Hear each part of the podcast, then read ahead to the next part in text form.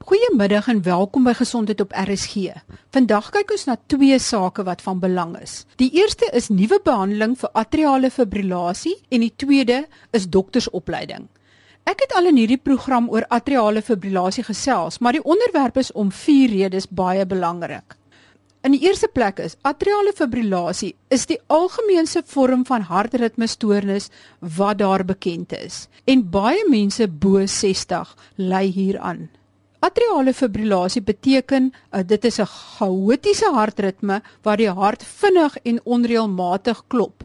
120 tot 150 slae per minuut in plaas van tussen 60 en 90. In die tweede plek, wat hierdie onderwerp baie belangrik maak, is navorsers het vasgestel dat selle in die monding van die longare, dit is waar die longare bloed terugbring vanaf die longe tot in die linker atrium net daar waar die longare uitmond in die linker atrium, is daar selle in die wande van die longare wat hierdie ongewenste onreëlmatige elektriese strome veroorsaak. Met ander woorde, die rede en die plek en die oorsprong van atriale fibrillasie is nou meer bekend.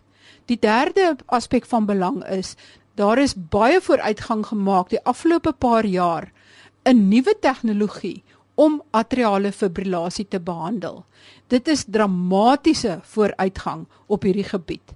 En die vierde plek is Die nuwe behandelings help nie net vir atriale fibrillasie in die beginstadium wanneer dit net periodiek is nie, maar selfs atriale fibrillasie wat al meer permanent is, kan behandel word.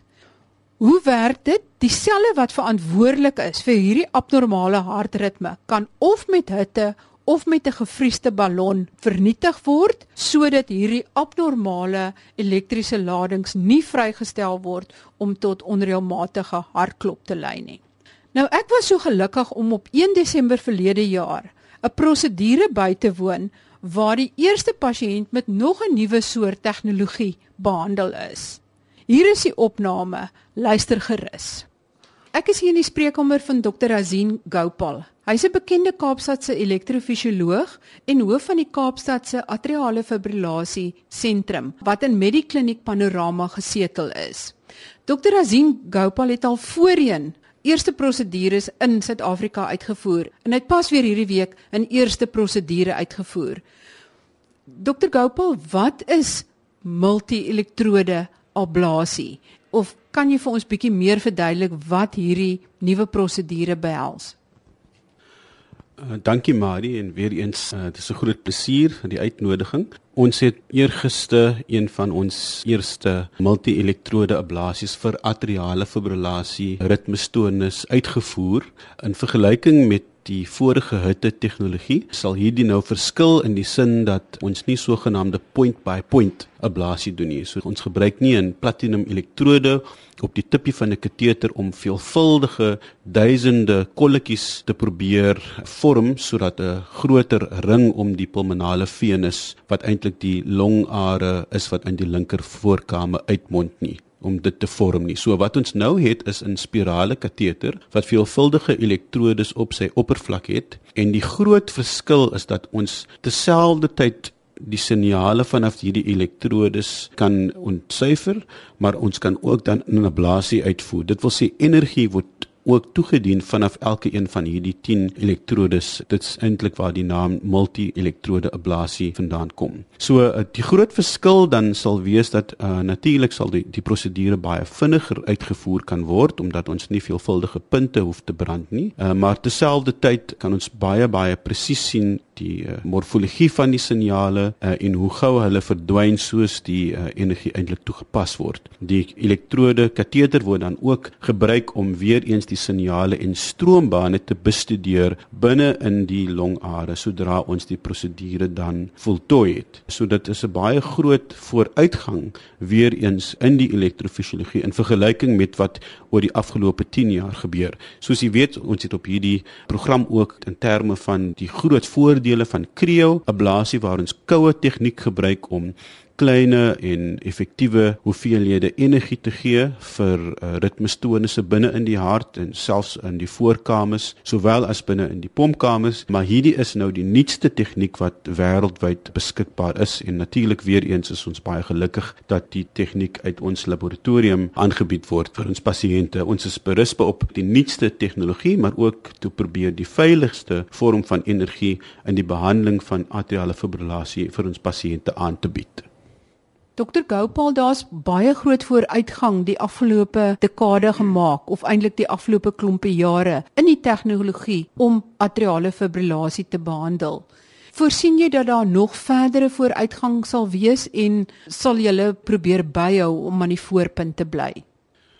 Absoluut, Marie. Kyk, hierdie is 'n baie opwindende era wat elektrofisiologie betref en spesifiek vir atriale fibrillasie behandeling wat nie veel meer as 'n dekade eintlik uh, beskou word as onmoontlik om te behandel. En nou kan ons eintlik baie spesifiek hierdie karteer uh, en sodoende probeer die signale stil maak sodat ons die hart terug in normale ritme in kan kry. Soos jy al nou weet, is atriale fibrillasie 'n ontsettend algemene ritmestoornis, definitief die algemeenste ritmestoornis wat ek behandel. Dit is debiliterend in die sin dat dit pasiënte baie 'n uh, moeilikheid gee in terme van uh, lusteloosheid en hartklopings natuurlik ook uh, lighoofdigheid, maar meer belangrike die langtermyn effekte wat prognostiese uitkoms sal beïnvloed soos beroerte en sowel as hartversaking. So dit is baie opwindend dat atriale fibrillasie nou effektief behandel kan word vir al die tipe vorms van persisterende fibrillasie waar Dit lyk vir my binne die nabye toekoms ons sal ook hierdie sal kan karteer en spesifieke baie spesifieke plekke in die linker voorkamer wat bekend staan as rotor areas wat amper sekerlik die oorsprong wees vir hierdie areas van fibrillasie dat ons eintlik spesifiek daai areas kan ableer of eintlik kauteriseer sonder om te veel ander skade aan die hart te rig. So dit is vir my 'n baie opwindende area van uh, navorsing uh, in atriale fibrillasie. In die verlede natuurlik kon ons net medikasie vir die pasiënte aanbied wat ons nog steeds nou doen.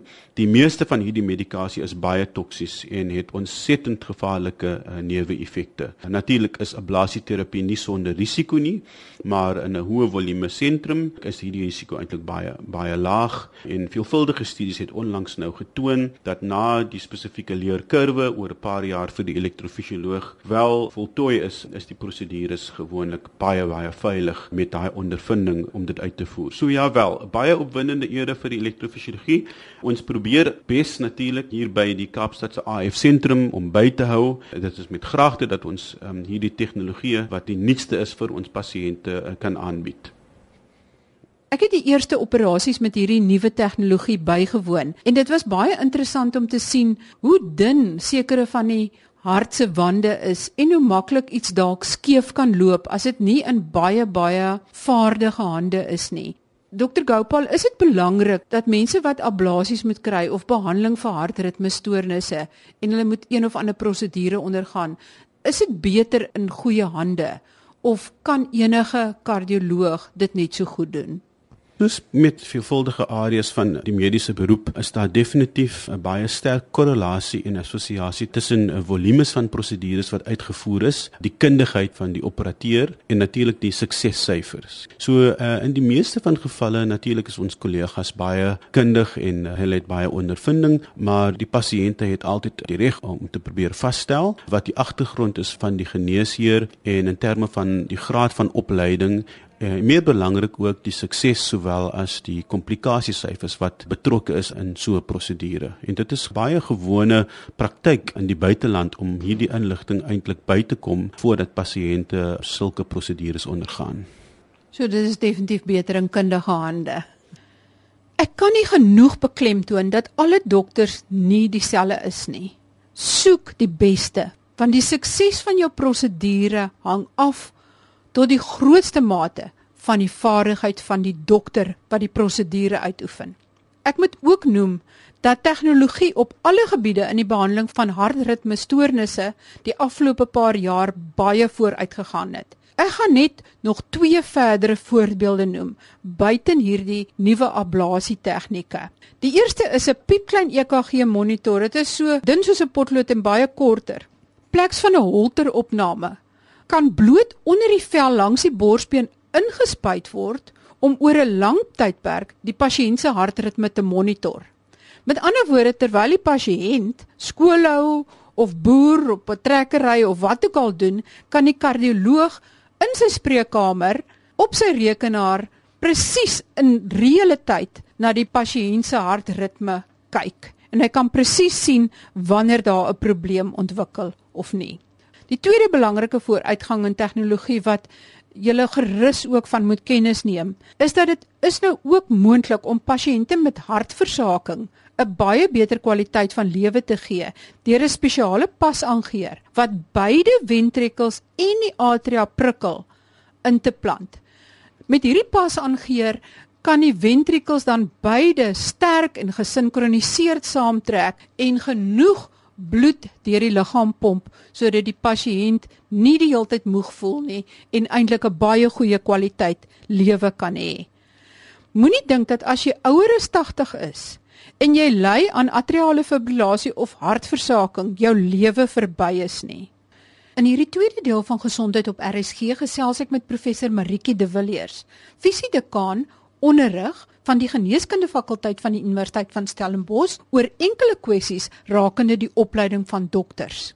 Die vertrekpunt is die ondertekening van 'n kontrak dat voorgraadse mediese studente van die Universiteit van Stellenbosch in hulle 4de en 5de jaar ook rotasies by Medikliniek hospitale in die Wes-Kaap gaan doen. Dit klink op sigself nie na veel nuus nie, maar dit klink net so vir die wat bolangs luister. Daar is beslis heelwat probleme wanneer dit by die opleiding van dokters in Suid-Afrika kom, want ons lei nie genoeg dokters vir ons land op nie. Kom luister gerus ontvou hierdie storie en waar pas die opleiding van dokters in Kiba in as ook privaat mediese skole.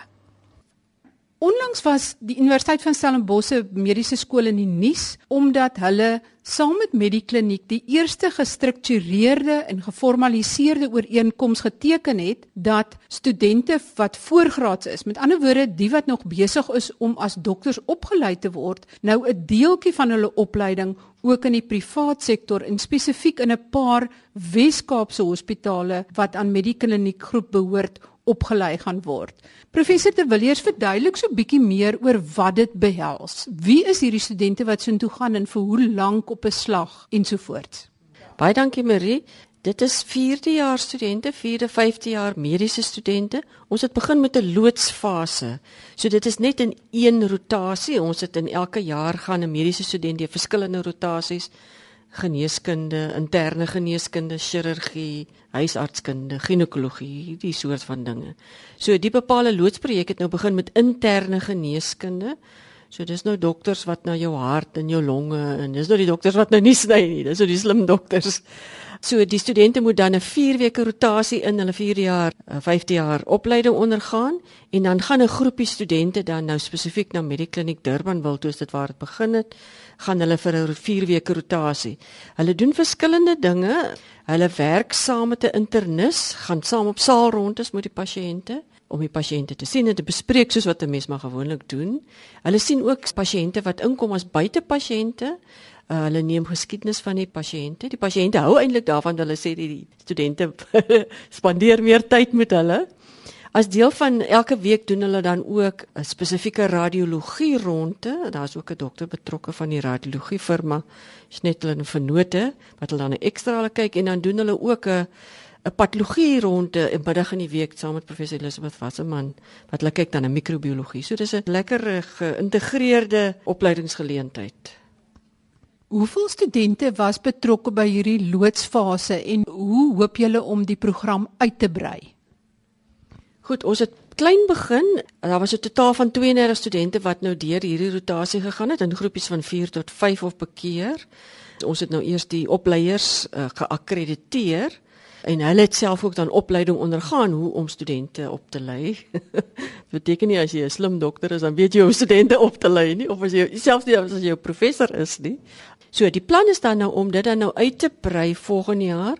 Die belangrikste element is natuurlik dat 'n mens moet die nodige toesighouers hê. Die dokters wat werk in die hospitale moet bereid wees om die studente te neem. Maar die dokters word natuurlik betaal hiervoor nie. So hulle moet plek vind in hulle praktyk om dit te doen. So die plan is om na volgende jaar te verdubbel en die jaar daarna selfs te kyk die getalle wat hulle genoem het is na 150. Dit beteken hulle sal na ander medikliniek hospitale in die Wes-Kaap kyk ook waar dokters aan studente kan neem. So wat is daar vir die internis in privaat praktyk in om enigsins so baie moeite te doen met klomp studente wat agter hom aandraf? Ja, Marie, dis 'n baie goeie vraag en dit is eintlik wat uh, verlede week toe ons nou die ondertekeningsseremonie gehad het of meer die ons het dit genoem die feesvieringsseremonie, nie noodwendig die ondertekeningsseremonie. Het ek met dokter Rustron gepraat wat die uh, inisiatief begin het en hom dieselfde vraag gevra. Uh, hy sê dis vir hom wonderlik om met jong mense te kan werk en om 'n geleentheid te hê om die jong mense te beïnvloed in terme van hulle toekoms.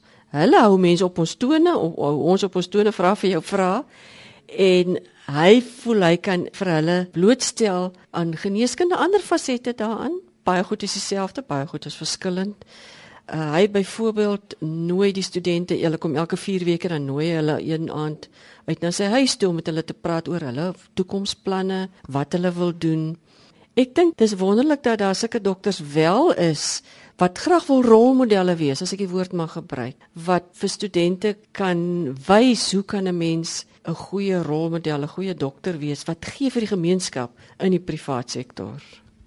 Professor De Villiers, hoekom het dit nodig geword om te kyk na nog moontlikhede of opsies waar studente opgelei kan word as deel van hulle rotasie basis? Ja, Marie, dit is natuurlik die ons benodig meer dokters. Ons nasionale minister sê kort kort ons het te min dokters. Ons stuur dan nou kinders Kuba toe om daar op te gelei te word as dokters. So ons het nodig om meer dokters op te lei.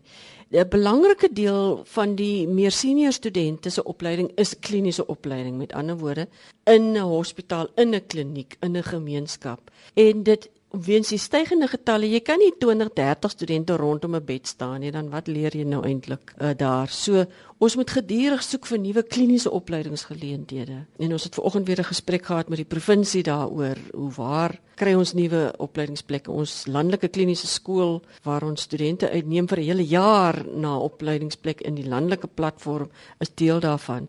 So dit vorm deel van ons uitbreiding van ons opleidingsplatform. Ons wil ook studente oplei relevant vir Suid-Afrika se gesondheidsprofiel. En ons wil ook vir studente wys dat die private sektor en die openbare sektor verskil nie noodwendig so baie nie. Dit sal interessant wees as studente dalk hulle opinie verander oor waar hulle in die toekoms wil werk daaroor. Op die oomblik is dit interne geneeskunde en radiologie. Wil julle dit graag uitbrei na ander dissiplines toe ook en wat van uitbreiding na nagraadse opleiding, byvoorbeeld kliniese assistente toe? Goed ja, op die oomblik is dit net eintlik 'n interne geneeskunde rotasie waar binne hulle dan nou 'n radiologie blootstelling, ekstra is ons maar deel van interne en dan nou die patologie blootstelling, spesiale ondersoeke, bloedtoets en sulke goed is ook deel van interne. Die hoof rotasie is aan interne geneeskunde. Die volgende uh, daar's 'n paar ortopede wat baie belangstel. Uh, so ons kyk na ortopedie. Mense moet ook maar gaan na waar die mense belangstel. Hoe sê hulle altyd dan moet ons maar kampioen wees voor jy wedloop kan hardloop. so dokter Tron het spesifiek gesê daar's 'n paar ortopede wat belangstel. Ons gaan nou kyk daarna. Ortopedie is nie altyd so prominent nie. Mens wil graag leer goeie ondersoek van die skouer, die knie, heup en daai dinge. So dis die volgende fase. Dan die vraag wat jy gevra nagraad. Nou nagraad is 'n bietjie meer kompleks.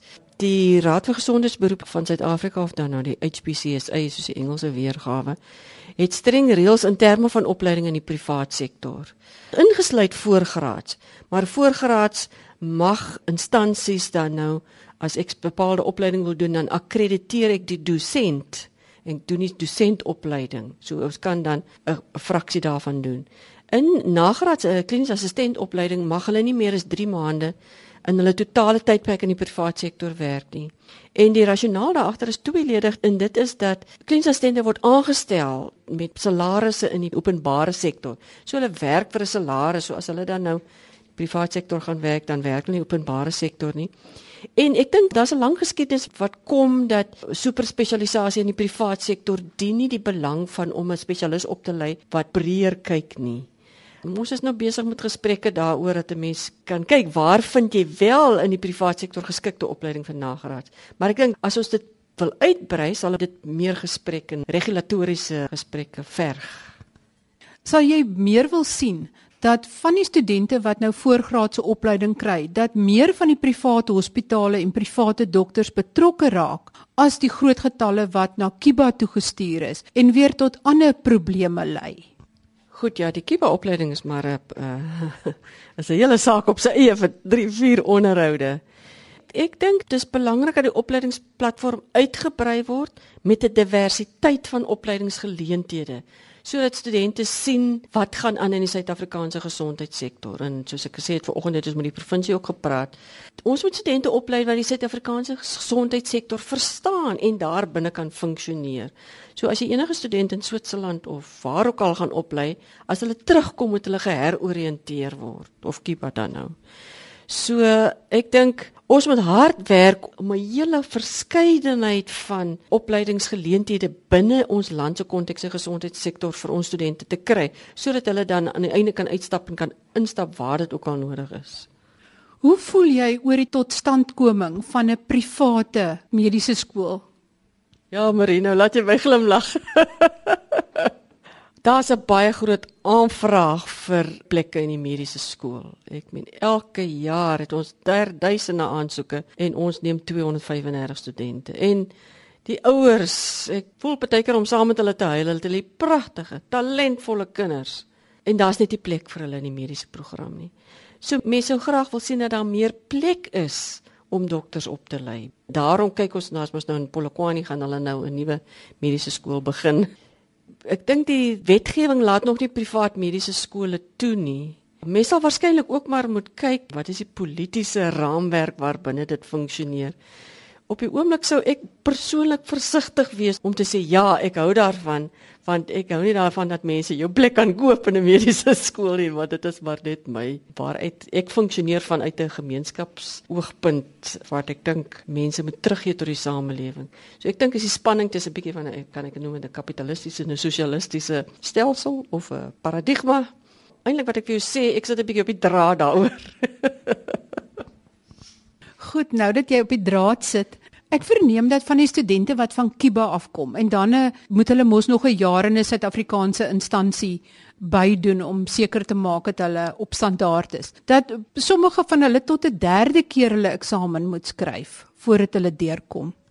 Ja, die studente wat van Kiba afkom, as hulle van Suid-Afrika na Kiba toe gaan en spandeer hulle jaar om Spaans te leer, dan word hulle opgelei binne die Kubaanse gesondheidstelsel. Hulle leer die hospitaal of die opleidingsplekke daar kom. As hulle hiernatoe kom, sê maar hulle kom na Tygerberg Hospitaal toe. Al hulle mediese terme is in Spaans. Nou praat hulle weer skielik Engels. So hulle met al die mediese terme soos 'n cardiac failure is nou iets anders in Spaans. So om die terminologie oor te plaas vat vir hulle tydjie. Hulle kom dan in sê Matygerberg Hospitaal wat vir hulle heeltemal nuut is. Ons studente is van jaar 2 af ken die sale, hulle ken die paai, hulle ken dit. So dis vir hulle 'n geweldige nogal 'n aanpassing kontekstueel en dan in terme van ons opleidings, hulle kom hiernatoe om gekontekstualiseer word met kondisies wat hulle baie min van leer in Kuba soos HIV. Hulle doen byvoorbeeld ook die bevallings daar nie. Hier doen ons studente van die 3de jaar af bevallings. En sommige van hulle dit dit is 'n uitdaging, dit is nie maklik nie. Elke mediese skool in Suid-Afrika moet nou meer studente inneem want ons kort dokters. Maar kry julle dan meer personeel en meer fasiliteite om daai toename in die aantal studente te hanteer?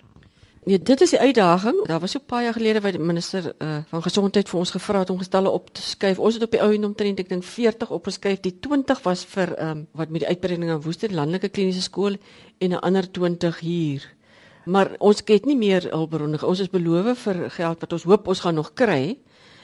Dit is nog aanvaarbaar. Die probleem soos wat ek net al gesê het, is die groot getalle in die kliniese omgewing dan. En die klinisi hier by ons raas met ons. Hulle sê ons kan nie meer studente rondom 'n bed sit nie. Ons kan nog meer studente in 'n klas sit. Jy weet jy kan 300 studente in klas en dat daai 300 studente nou almal uitgaan buite toe. Dis die so ons sal moet met die provinsie saamwerk dat hulle meer plekke vir ons oopmaak. Dis met die gesondheidssektor saamwerk. Ons het in hierdie gesprek nou net geraak aan die opleiding van spesialiste, maar dit is duidelik dat daar selfs groter probleme op hierdie gebied is. Ek noem net enkele voorbeelde. 'n Hartspesialis in 'n staatshospitaal in Port Elizabeth maak droog en te veel van sy pasiënte sterf. Hy is aan die Universiteit van Kaapstad opgelei en het sy graad by die Colleges van Geneeskunde verwerf. Die colleges sê op navraag hulle toets net die teoretiese kennis en as hy professor sê hy is bekwam, aanvaar hulle dit so. Dit is dus niemand se skuld dat hy onbekwam is nie. Die tweede belangrike punt is kliniese assistente. Dit is spesialiste in opleiding by meer as een mediese skool dat hulle nie genoeg blootstelling kry om byvoorbeeld 'n verskeidenheid of genoeg, met ander woorde 'n groot genoeg volume hartoperasies te doen nie. Sommige moet selfs 'n jaar langer werk bloot omdat hulle nie genoeg volumes en 'n groot genoeg verskeidenheid van hierdie hartoperasies kan doen terwyl hulle in opleiding is nie. Die derde punt is dit geld vir verskeie departemente, nie net vir kardiotorakale chirurgie nie. Dit is ook interessant om te let dat byvoorbeeld die Universiteit van die Vrystaat se kardiologie departement heeltemal moes sluit. Die vierde punt is ek het met twee spesialiste gesels wat as eksterne eksaminatore opgetree het, een in ortopedie en een in pediatrie, waar hulle voornemende spesialiste gedryp het en toe onder druk geplaas is om hierdie studente deur te sit. As daar enige van die luisteraars is wat wel eksterne eksaminatore was of enige iemand wat bekommerd is oor die opleiding van veral spesialiste in opleiding, kan hulle gerus met my kontak maak by gesond@rsg.co.za. Skryf vir my Of as jy 'n kliniese assistente is en jy voel jy kry nie genoeg blootstelling om jouself ordentlik te bekwam as 'n spesialis nie, maak nie saak of watter veldgebied dit is nie. Skryf gerus aan my. Jy kan anoniem bly, maar ek benodig die inligting. Tot volgende keer dan. Totsiens.